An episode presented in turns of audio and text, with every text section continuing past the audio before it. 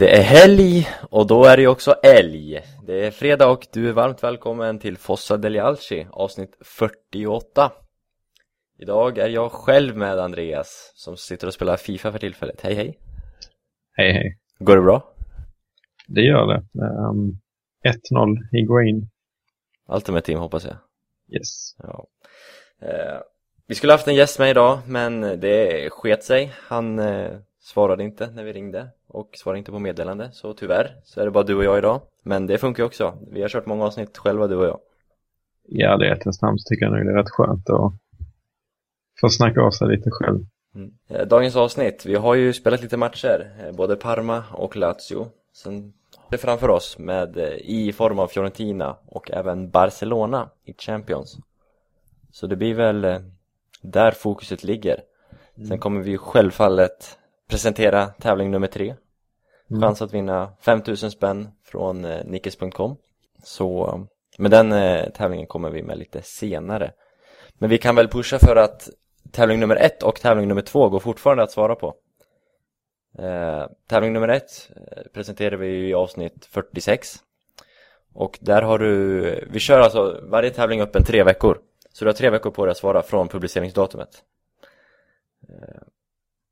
Och ja, ni får lyssna på avsnitt 46 och avsnitt 47 om ni vill ha större chans för att vinna de här 5000 kronorna från nickes.com.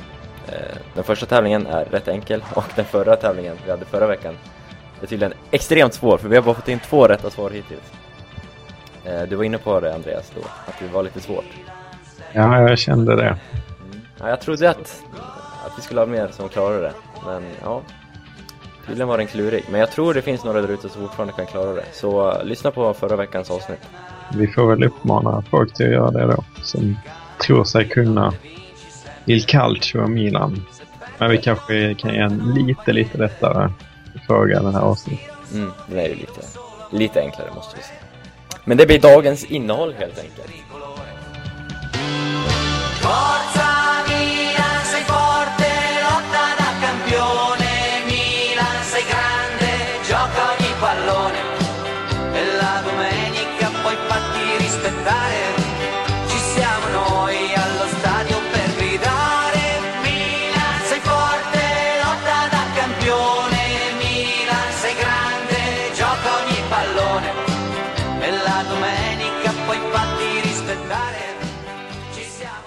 Men som vi brukar göra, ska vi ta det här i kronologisk ordning? Eh, vi har ju Parma-Milan där vi går på en riktig nitlott på tilläggstid när Parolo dunkar in 3-2 mm. efter ännu en upphämtning från vår sida. Hur, eh, tar snabbt, vi behöver inte analysera den här matchen i detalj liksom men vad tar du med dig från den matchen? Positivt som negativt? Ja, vad är positivt där. Det är... Nej, jag har, jag har inget positivt på rakt arm. Eh. Negativt så? Allt? Ja, eh, poängtappet till att börja med. Nej, men där är väl i alla fall en viss inställning som man ser. Eh, Allegri agerade väldigt snabbt eh, och jag var faktiskt eh, trodde att Mina skulle kunna vända på steken där och man kommer faktiskt ikapp i alla fall. Eh, I och med att Milan är ett lag som är rätt så bra på, eller i år har varit rätt så bra på att jaga i underläge. Eh, och Parma är ett lag som är väldigt dåliga på att hålla ledning, en ledning. Eh, men eh, i och för sig kan jag säga att Silvestre tyckte jag spelade bra. Sen blev han skadad. Han blev ju det. Um, och om man ska göra någon länk över till uh, matchen mot Lazio så tycker jag faktiskt att Zaccardo gör det helt okej. Okay. Uh, står ju liksom, ja, som man inte helt otippat uh, kan tro när han är, om man generaliserar över gamla italienska försvarsspelare, så stod han ju ofta väldigt rätt och ja, gör ett helt okej okay jobb liksom. Så jag är inte så orolig som egentligen som jag trodde att det skulle vara att Ricardo står i, i startelvan mot Fiorentina också. Nej. Nej, det är många som är det. Eh, kanske han har ju inte imponerat extremt tidigare när han väl har spelat liksom. Och det var väl någon gång han spelade en match eller två matcher och sen, nej men Sakardo kan inte spela mer för han, har, han är sliten liksom. Ja. Det är också ett uttalande från Allegris sida som är lite roligt. Vi får se hur sliten han är nu till Viola, för starten lär han göra. Ja, absolut. Det är ju ändå, jag ställer ju mycket större förtroende till honom än Vergara som vi hyllade som en spännande värvning men samtidigt har inte spelat ett dugg och känns ju väldigt, väldigt eh, oprövad. Så vi får väl hoppas att vi får en missback tillbaka sen vi kollar ännu längre framåt eh, till eh, onsdagens eller nästa veckas möte med oss mot Barcelona. Mm. Eh, för, visst, Sakalo kanske inte var sliten när Allegri sa det eller så var han det av någon oförklarlig anledning. Men tre matcher på en vecka känns väl kanske lite tufft på den gamla gubben. Mm. Ja, nu kombinerar du alla matcher, men där är ju Mexes tillgänglig. Eh, Ja, visst ja. Mm. Du kanske inte tänkte på det. Men Mexes, det är sista matchen, dels i ligan mot Fiorentina, han är avstängd va? Men sen är ju Champions League är ju såklart inte avstängd, så där får han ju spela. Ja, precis. Eh, frågan är dock, Zapata spelar extremt mycket. Han är inte lika gammal, men hur mycket pallar han? Och han imponerar ju inte heller riktigt med det han gör. Nej, det, men eh, vi har liksom inte mycket att välja på. Nej, exakt. Det är liksom Vergara, Sacardo eh, och Zapata i nuläget. Så det är väl Z och Z som vi får spela med. Helt enkelt. Ja, nej, så eh, Parma-matchen kan man väl lämna eh, så fort som möjligt. Skyller förlusten på Montolivo som Galliani gjorde. Mm.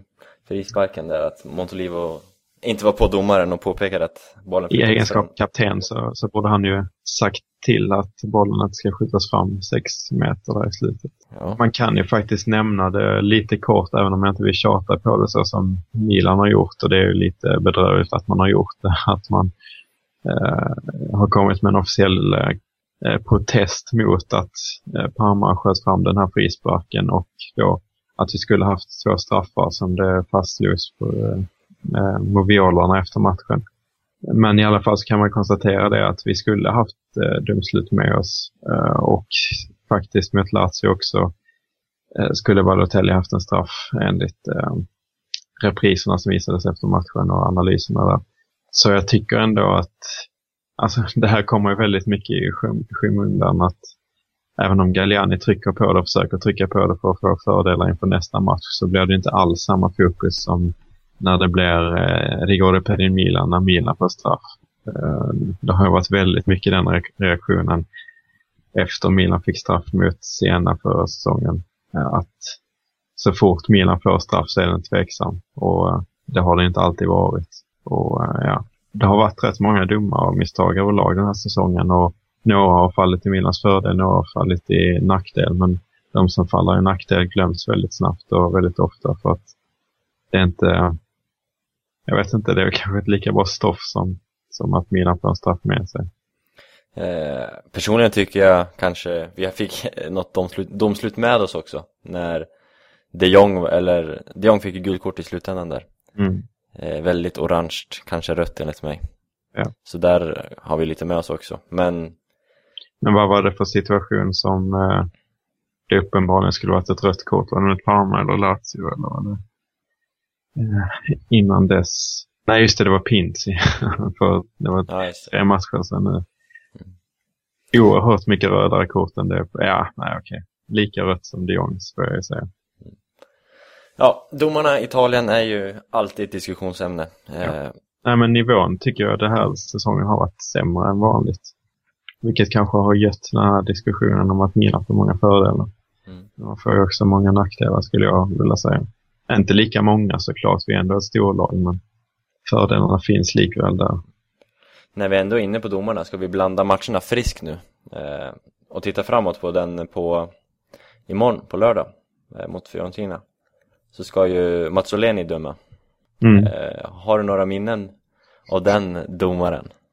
Man har minnen eh, av alla domare egentligen. Och eh, just Mazzoleni är ju den, eh, har dömt en av, de, en av de matcherna ska vi säga, för det finns ju fler matcher där Fiorentina har fått fördelar mot, eh, mot Milan till mångas förvåning. För det är många som vill spekulera det här kring att Milan har, har så stort inflytande och får många fördelar och Fiorentina väger inte lika tungt och får många nackdelar. Men de senaste mötena Milan och Fiorentina så har ju faktiskt eh, lutat väldigt mycket över till Fiorentinas fördel, tycker jag ju som Milans supporter i alla fall.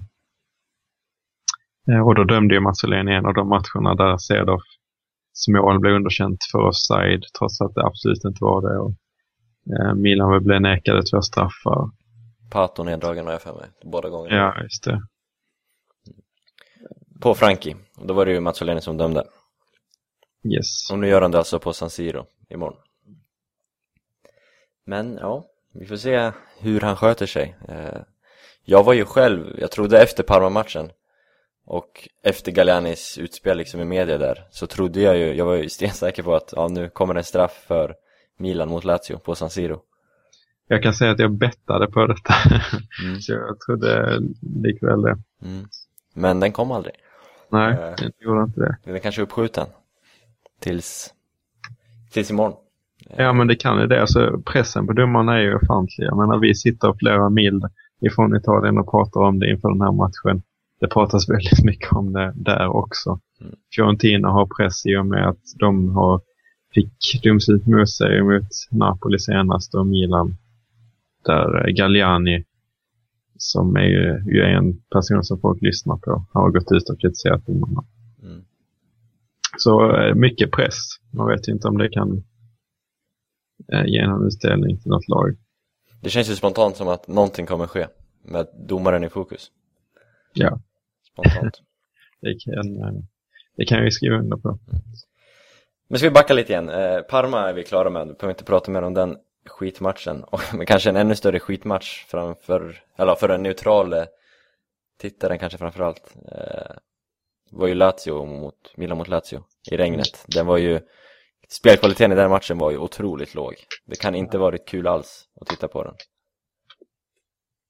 För den som inte har jättemycket känslor till något av lagen. Nej, precis. Om man eliminerar känselbiten, kän, den emotionella biten kan man säga. Eh, för, för mig så tyckte jag det var ju en intressant match från att det stod så mycket på spel och sådär. Ja, Eh, Så då um, kopplar jag liksom bort det här underhållningsvärdet som folk tycker att fin fotboll är. Men Ja, jag jag ville bara förtydliga, alltså jag, Ja. jag delar din åsikt här också. Jag, jag skiter i om det är en bra eller dålig match liksom. I slutändan är det tre poäng jag bryr mig om. Men, ja. Ja, fortsätt. ja, jag förstår vad du menar. Mm. Men um, ja, det är många väldigt dystra för den här matchen. Det, alltså jag har så svårt att vara dyster. Självklart är det poängtappet och allting sånt där. Men när man ser Kaká komma fram där i, i ösregnet på San Siro som det ska vara och bara göra ett sånt fantastiskt mål. Alltså det, det är fan det snyggaste målet jag har sett i hela mitt liv. Ja, jag twittrade eh, det krysset, det de gula tröjorna mot Lazio liksom.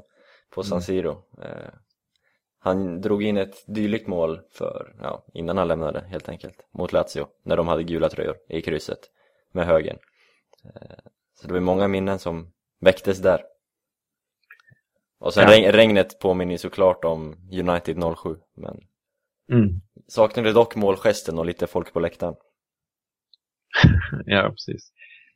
Ja, visst, man hade velat se målgesten, men samtidigt så den, eh, den målgesten, den blev den eh, spontana glädjeyttringen, det var också tilltalande. Men eh, ska man gå in på matchen så, ja. Jag tycker, alltså Milan förtjänar ju segern mer än, än vad Lazio gjorde. Kommer ändå till rätt så många chanser tycker jag, men spelet ser ju dåligt ut. Jag vet inte vad man ska glädja sig åt om man tar det från den här matchen. Förutom Kaká då. Kul med De Chilio tillbaks. Ja, okej, där har du det. Även om inte han gjorde någon supermatch alls. Han är ju min personliga favorit liksom, men det ska man, han var ju inte speciellt bra, men fortfarande känns det ju bättre än konstant på vänsterbacken. Mm. Nej, men en helt annan stabilitet. Hoppas nu att han kan spela mot Fiorentina. Allegri var ju lite tveksam. Men vi får se. Ja, han vill väl ha honom i Barcelona också. Och det är samma sak som Sacardo där. Mm. Chilio är ju mycket yngre, man kommer direkt tillbaka från eh, skada. Men, eh, och det senaste verkar det som att både Chilio och Kaká kan, kan vara tillgängliga. Och det är, det är inget snack om vilken av matcherna som är viktigast för Milans del. Nej. Vi kommer förmodligen bli krossade på Camp Nou om man ska vara lite pessimistisk. Uh, och en poäng där gör väl inte så jäkla mycket uh, för chansen att gå vidare i gruppen. Det känns inte som det spontant. Speciellt inte... Mer än att uh, gå bra mot Barcelona. Det skulle ju vara det enda i så fall.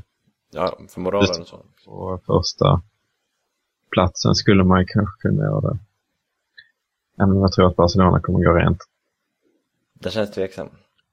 Ja, det gör det. Och det framförallt betydligt eh, mindre viktigt än att eh, gå bra i ligan. Mm.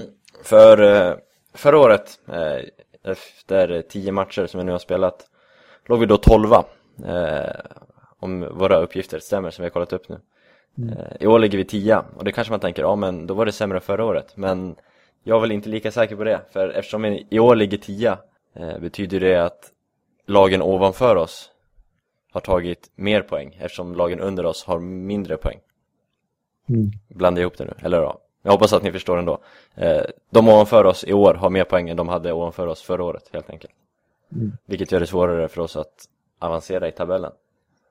Och framförallt är bredden en annan. Eh, på topplagen, det finns ju eh, betydligt starkare lag och betydligt fler starka lag.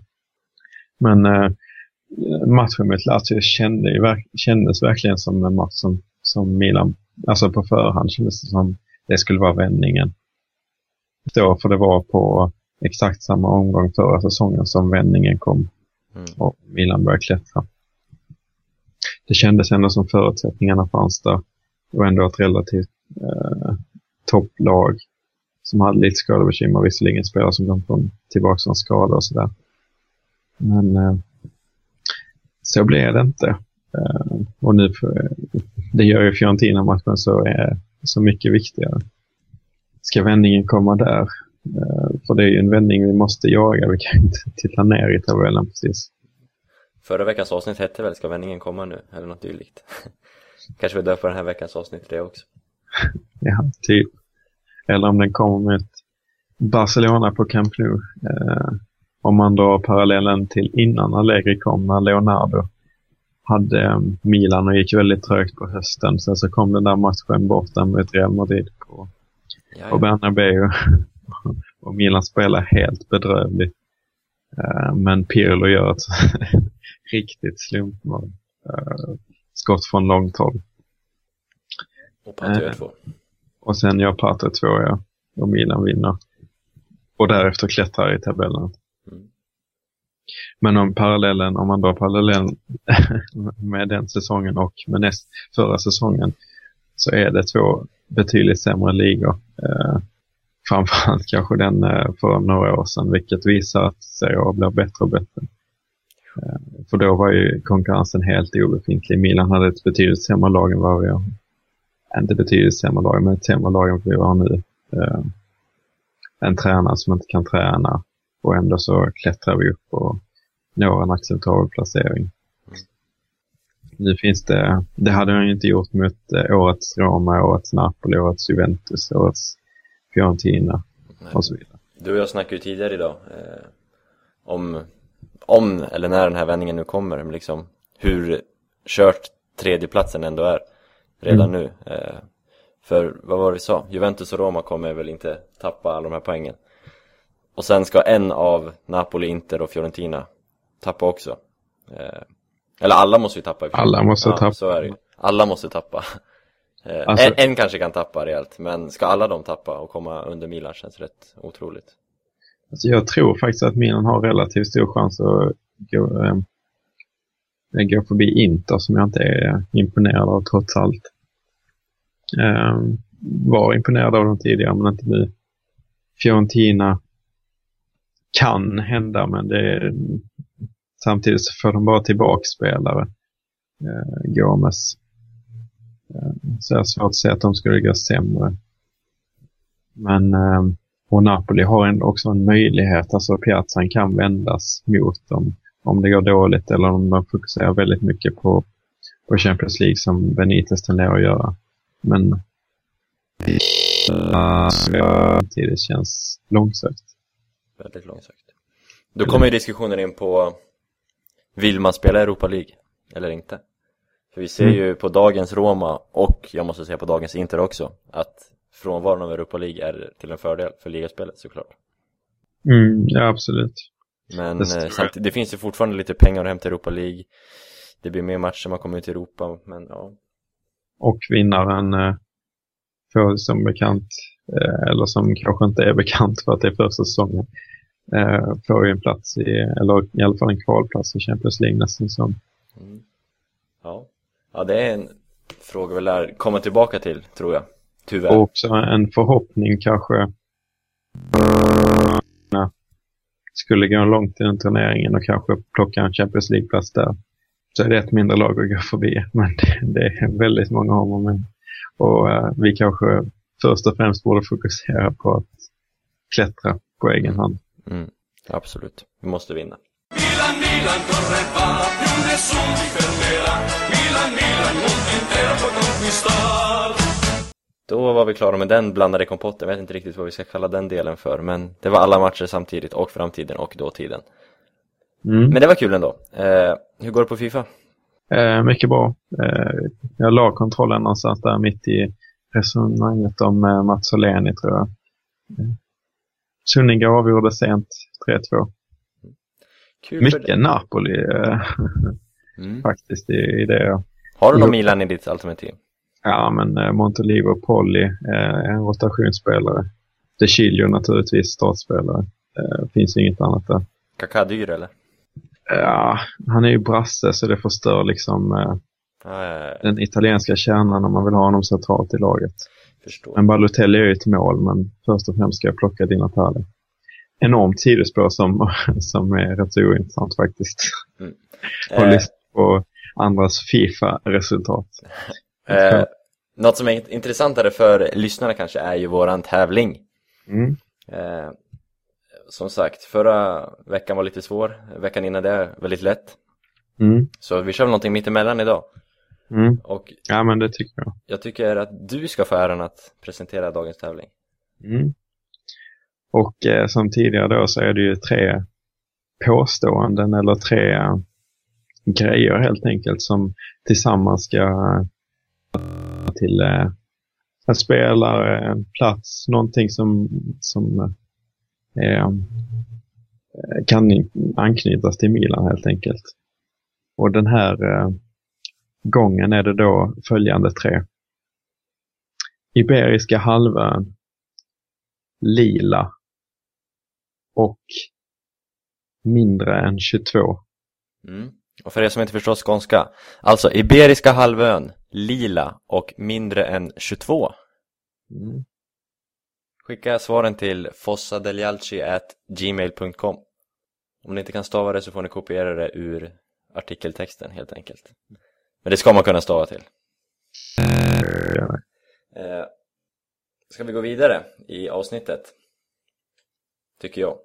Det tycker jag. Vi kan ju uppmana folk till att ratta in eh, föregående avsnitt om man känner sig vass på eh, och tror sig klara den här frågan som bara två personer alltså har klarat och därmed har ju en, en stor fördel hittills på resterande mm. som har deltagit i tävlingen. Precis. Eh, men vi går vidare. Milan-Fiorentina har vi redan nämnt och pratat om men eh, vi kan väl prata lite mer om den. Eh, Fiorentina blev som du var inne på i domarsnacket rätt så rånade i slutsekunderna mot Napoli. Mm. När Giuseppe Rossi var det väl, nej Quadrado var det ju såklart, som föll i straffområdet och fick ingen straff utan fick istället sitt andra gula för aftonen och åkte ur. Åkte ut kanske man säger på svenska. Eh, och missade därför Milan. Det är mm. ju rätt viktigt och skönt för oss att Quadrado missar. Mm. Vi såg ju vad han gjorde mot, mot oss förra säsongen på San Siro. Ja, och eh, framförallt eftersom De Chilio är lite tveksam så, så eh, som jag nämnde i någon eh, tweet så, så är det ju där Vi har släppt in alla våra mål på konstans kant. mot Messi, mot uh, uh, Biabiani. Tur att det inte blev konstant med Kandreva. Mm. Uh, helt enkelt. Och nu inte Quadrado heller. Och nu inte Quadrado heller. Som uh, blev utsatt på samma sätt som Totti blev i VM 2002 när för filmning när han skulle ha fått straff och bli utvisad även han mm. med Sydkorea där. Mycket paralleller från din sida idag. ja, men det är lite så jag jobbar idag. Ja, ja. Uh, och när jag såg den matchen och den påminde ändå en del om eh, Milan-Lazio tillvida att Milan och, Lazio, eh, Milan och Fiorentina spelade eh, ungefär på samma sätt och Napoli och Lazio spelade ungefär på samma sätt. Men att det var väldigt mycket mer kvalitet i, i matchen på Frankie. Det, de säger ju trots att de tappade alla poäng i den matchen så ser de riktigt bra ut. Gomes eh, som förväntades komma tillbaks mot Milan verkar missa någon vecka till. Så ser de väldigt bra ut eh, och det är ju lite läskigt. Mm. Giuseppe Rossi har verkligen eh, etablerat sig igen efter sina dubbla knäskador. Ja. Och tillsammans med Quadrado så är de två ett extremt offensivt hot. Så det, jag är så riktigt lättad att Quadrado inte medverkar mm. mot oss. Eh, det ger oss en enorm fördel skulle jag säga. Mm. För utan det jag sett av Fiorentina så har de ändå krävt en del individuella prestationer, precis som det gör för Milan i dagsläget också, mm. i offensiven. Och det är ofta Quadrado som har stått för dem. Vi såg ju bara när, hur Fiorentina blev sämre när han var skadad och hur nu de har blivit bättre när han är tillbaks. Mm. Och sen så har vi en annan spelare faktiskt som kan bli avstängd. Jag vet inte om den avstängningen i så fall skulle påverka hans eh, medverkan i den här matchen. Men Pizarro har ehm, eh, efter matchen mot Napoli gått ut eller setts på bilder där han eh, lyfter eh, händerna över huvudet och korsar armarna vid handlederna på eh, simulera att han har handbojor på sig. Vilket eh, är exakt samma sak som Mourinho gjorde under hans tid i Inter. Jag tror det var mot Genoa men det kanske någon kan rätta mig på San Siro där de fick två man utvisade. Eh, och han ville liksom visa att eh, det, det, finns ingenting jag kan göra eh, i princip. Mm. Och han blev avstängd? Mourinho blev avstängd och nu är det spekula eh, spekulationer kring om Pizarro också ska bli avstängd. Dagens Gazzetta som tar upp det va? Så är det. Och han är ju lite less på det här med domare i Italien, eh, Pizarro. Efter sena Milan så ville han ju verkligen lämna landet med eh, domare och allting. Eh, så han ju då. Nu stannar han men eh, hans eh, agg verkar inte riktigt ha släppt. Nej, han beter sig rätt barnsligt även om de haft beslut emot sig men som sagt, de är inte själva och de får en del beslut med sig också. Mm. Så det är väl lite barnsligt, får ju nästan hoppas att han blir avstängd. Det vore ju lite kul faktiskt, lite retfullt, lite hetsande. Eh, men vem går då in på hans plats som också kanske är hetsande? Mm. Uh, för det finns ju en spelare som uh, har spelat i Milan i 18 år eller vad det är. Och eh, eventuellt komma tillbaka till San Siro. I fel tröja och fel nummer. Precis, framförallt fel nummer. Eller framförallt fel tröja. Jag vet inte var jag ska börja i den. Eh, men eh, eh, Ambrosini eh, har eh, också i dagens Gazetta påtalat väldigt tydligt hur mycket han vill spela den här matchen. Um, och det snackas ju lite om att det inte var ett helt snyggt sätt som Ambrosini fick lämna Milan. Nej, det var väl inte det riktigt. Det, han fick ju själv kalla till presskonferens och lag. Det var inte riktigt snyggt. Nej, så det går ju att eh, spekulera i om det inte finns rätt så mycket eh, hämnd, hämndkänslor mm. i hans eh, väldiga vilja att att eh, påskynda sin rehabilitering och komma tillbaka till den här matchen. Ska vi prata lite mer taktiskt? Den här matchen, för att vi ska vinna så krävs det ju en bättre defensiv än vad vi har visat senaste tiden. Eh, vad, är, vad tycker du det är som brister så fatalt i defensiven match på match? Är det liksom lagets fel eller är det individmisstag? Vad tycker du du kan, kan du urskilja något mönster? Alltså jag tycker att det är en, eh, en eh, individmisstag i väldigt hög utsträckning. Uh, sen så får jag väldigt mycket kritik för det här och att jag försvarar lägre och sådana grejer. Men om man tar de senaste matcherna så nu senast mot Lazio så är det ju ofokus. Det finns två mittbackar och ingen av dem är på närmsta stolpen och markerar eh, mittbackar som nickar in eh, kvitteringen där. Och det är ofokus helt enkelt. Som vi har sett hela tiden på vårt mittbackspar. Det, jag känner inte att det finns någonting som, som rent taktiskt skulle kunna ändra på att, att de blir mer skärpta. Saknar man en, en general kanske? Mittbacksgeneral? Ja.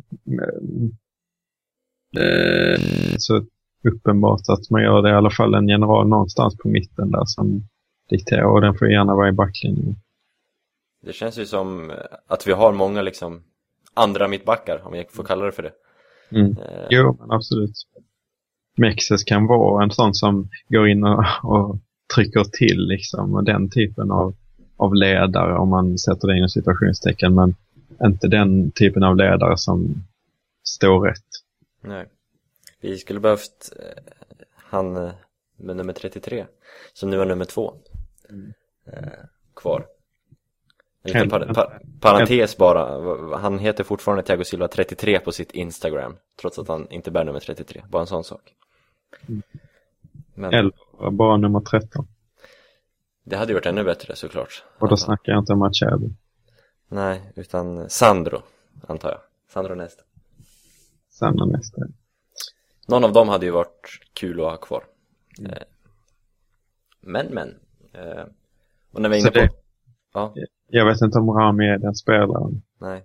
Om man har de kvaliteterna, jag har sett honom för lite. Han känns spontant som en Mexes som kan gå till och trycka till någon kille och säga något dumt liksom.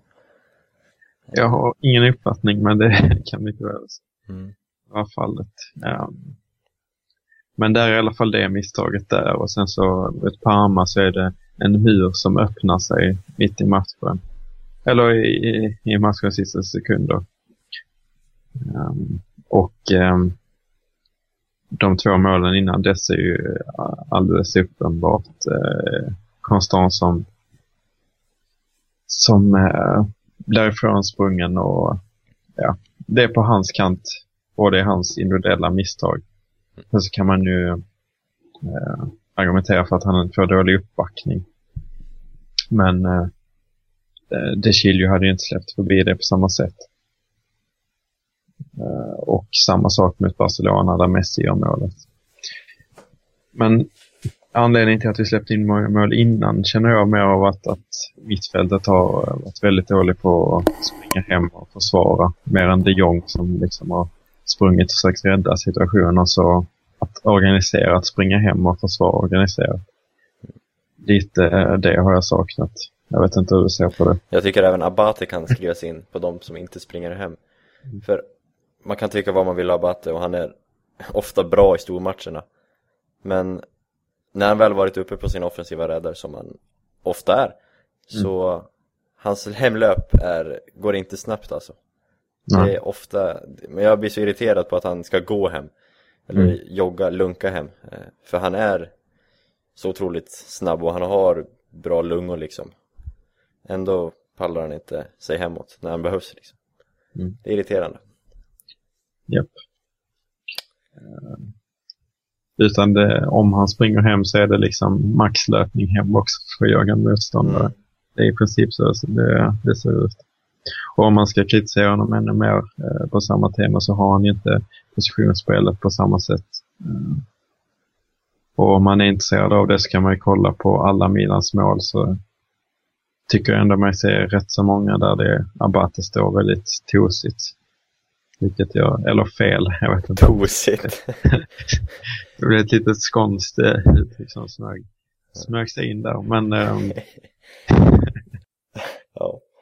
Eh, han står fel helt enkelt, vilket föranleder rätt så många eh, mål som vi har släppt in den här säsongen.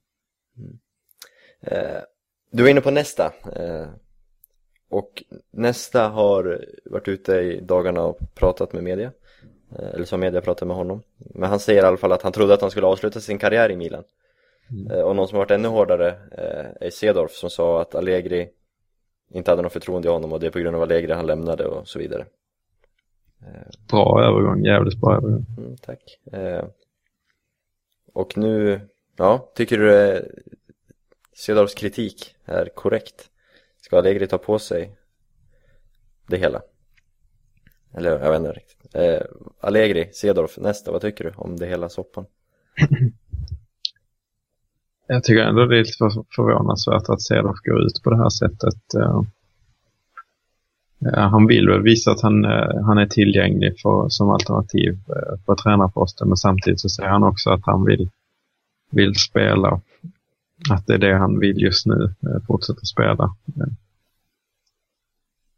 Mm. Men då, då, ställer jag istället frågan till alla som vill ha Allegri bort. Att är det, är det liksom Cedorf som man vill ha som tränare i så fall? Uh, nu finns han egentligen som alternativ i och med att han är kontrakterad som faktiskt spelare med bortafrågor. Uh, eller är det Tassotti som ska gå upp och säga, ta tränarrollen? Alltså jag har svårt att se någon som skulle göra det bättre än Allegri gör det nu. Pippo är väl namnet som det är rätt hett också. Mm. Och jag ser inte heller att det skulle göra det bättre. Eh, kanske en, en kort så att eh, det blir en, eh, eh en motivation för spelarna under en kort period. Men jag ser inte Pippo som en mer taktiskt kompetent tränare än Allegri. Uh, utan alltså min ställning till Allegri om så eller är kvar i Milan är, det är samma. Uh, och det kommer vara samma hela säsongen för att eh, waiting list som man pratar om i vissa sammanhang. Alltså tränarna som väntar på att få jobb eh, ser likadan ut. Det finns inga alternativ som är, som är rimliga och som är bra. Som skulle vara bättre än Allegri. Det skulle vara en sak om, om spelaren inte hade något förtroende för Allegri. Då skulle man kunna bara sparka honom och ha Tassotti resten av säsongen.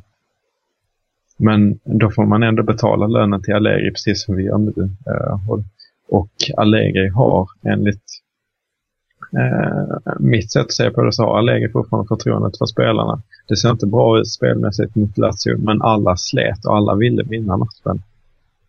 Eh, jag tycker verkligen att han har förmågan att motivera spelarna. Han har förmåga att, att eh, få dem att göra vad han vill, tror jag. Eh, och Balotelli till exempel ställer sig bakom Allegri Eh, den vill jag prata mer om, men ja, fortsätt. Den, den, visst, den, den kan ifrågasättas nu i och med att Allegri har kritiserat Balotelli så öppet. Men um, Allegri, eller Balotelli har endast försvarat Allegri tidigare när det har snackats om att han skulle avgå. Och hela truppen försvarar honom i somras. Eh, I princip, precis som Kovasud gjorde. Mm. Det är tydligt att Allegri ändå har förtroende och med tanke på hur mycket Berlusconi är emot Allegri så är det svårt att säga att om det skulle finnas ett alternativ som var bättre, att det inte skulle förverkligats redan. Mm, mm. Eh, men Balotelli, han, eh, Reola är väl kanske den som är ute och är jobbig just nu. Och Milan ska mm. inte vara så glad på Reola. Eh, man har pratat om Chelsea och Balotelli blev utbytt för första gången mot Parma och Balotelli var, blev inbytt mot Barcelona, han var inte bra. Och han var inte bra mot Lazio heller. Eh, vad är det som är fel?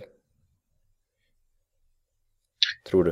Eh, det, det, som har hänt är ju i alla fall att man har försökt eh, eh, snygga till eller fixa till det här. Eh, vilket alla har varit med på. Milan har varit med på det och eh, Allegri har varit med på det. Alltså om man säger Milan som i ledningen.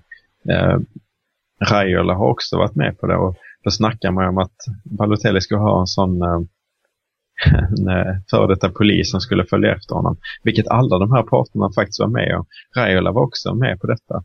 Eh, enligt eh, uppgifter som, som jag har läst i alla fall. Eh, men det är Balotelli som inte ville det då. Och då ska Balotelli ha gett sitt ord på att nej, nu ska jag skärpa mig. Eh, och man har liksom inlett ett sånt stort projekt med att han, han ska flytta ifrån sin villa i Como. Han ska mer in till Milano, till eh, San Siro-området där Robinho bor till exempel. Um, han har snaggat eh, amerikanfrisyren. Tagit ur örhängena. Tagit ur örhängena, absolut. Ska, ska köra Audi till träning istället för Ferrari, tydligen. Okej, okay. det, det hade jag missat ett steg. Så han tar liksom de här eh, eh, för att ställa in sig lite i leden. Eh, och eh, det kan ju vara så att han blir en sämre fotbollsspelare på grund av det. Eh, men det kan också vara bara så att han är ur form. Ja, det känns det... inte som att eh, Balotelli ska bråka sig från Milan. Det kommer inte öka hans chans att hamna i Chelsea eller i Barcelona.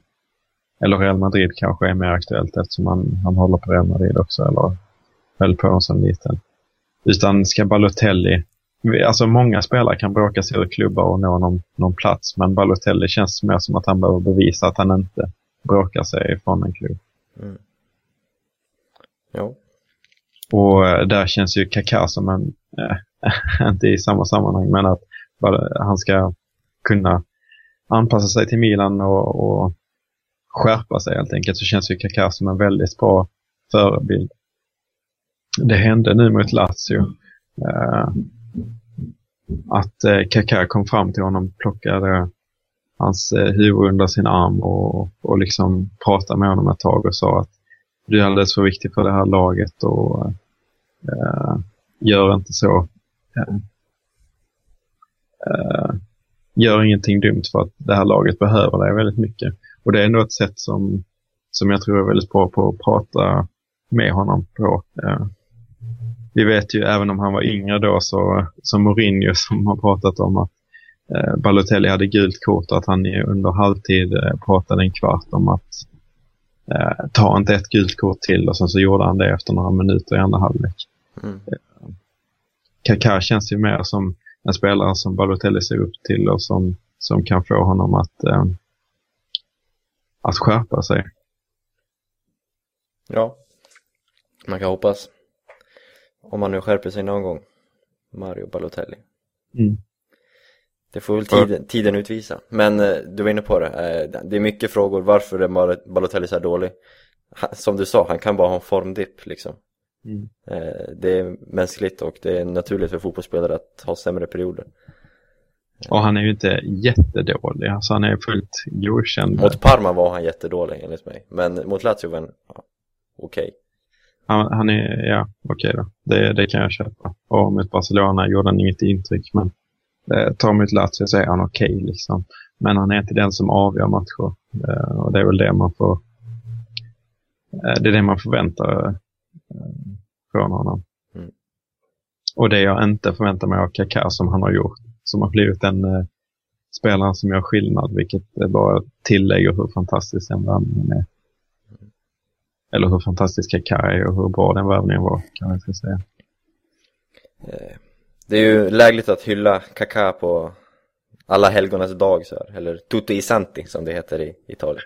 En röd dag idag. Och just med tanke på det Kaká Balotelli ska nämna det som stod i dagens Gazetta som jag tyckte var det, det, är väldigt talande för hur eh, italienare pratar och skriver, kanske framförallt i text, med många liknelser. Och då var man också inne på det här spåret att Kaká nu ska gå i, eller Balotelli ska gå i Kakas körskola.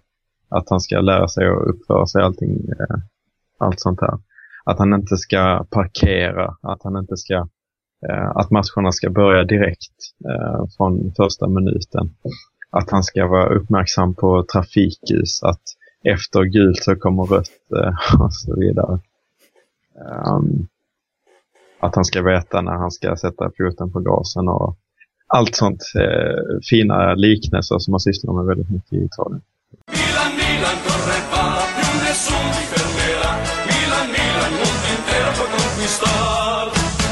Sist, men absolut inte minst i avsnitt 48 måste vi ju pusha lite kort för våran derbyresa också vi ska åka på.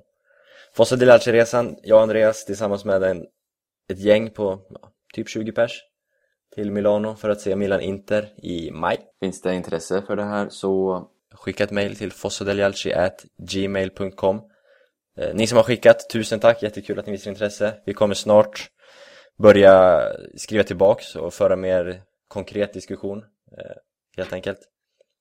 Men vi avvaktar lite till eh, för att få ihop några fler helt enkelt. Eh, men är du intresserad, Milan Inter i maj för ungefär 3400 spänn, eller inte ungefär, för 3400 kronor.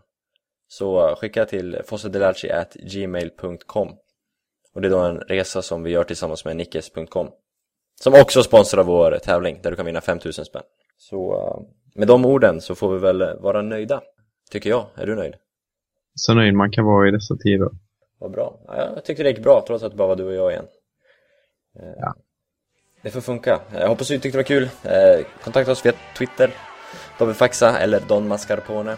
Eller ja, såklart, kommentarsfältet finns också öppet för er på Svenska fans. Eh, vi hörs nästa fredag igen. Hej då!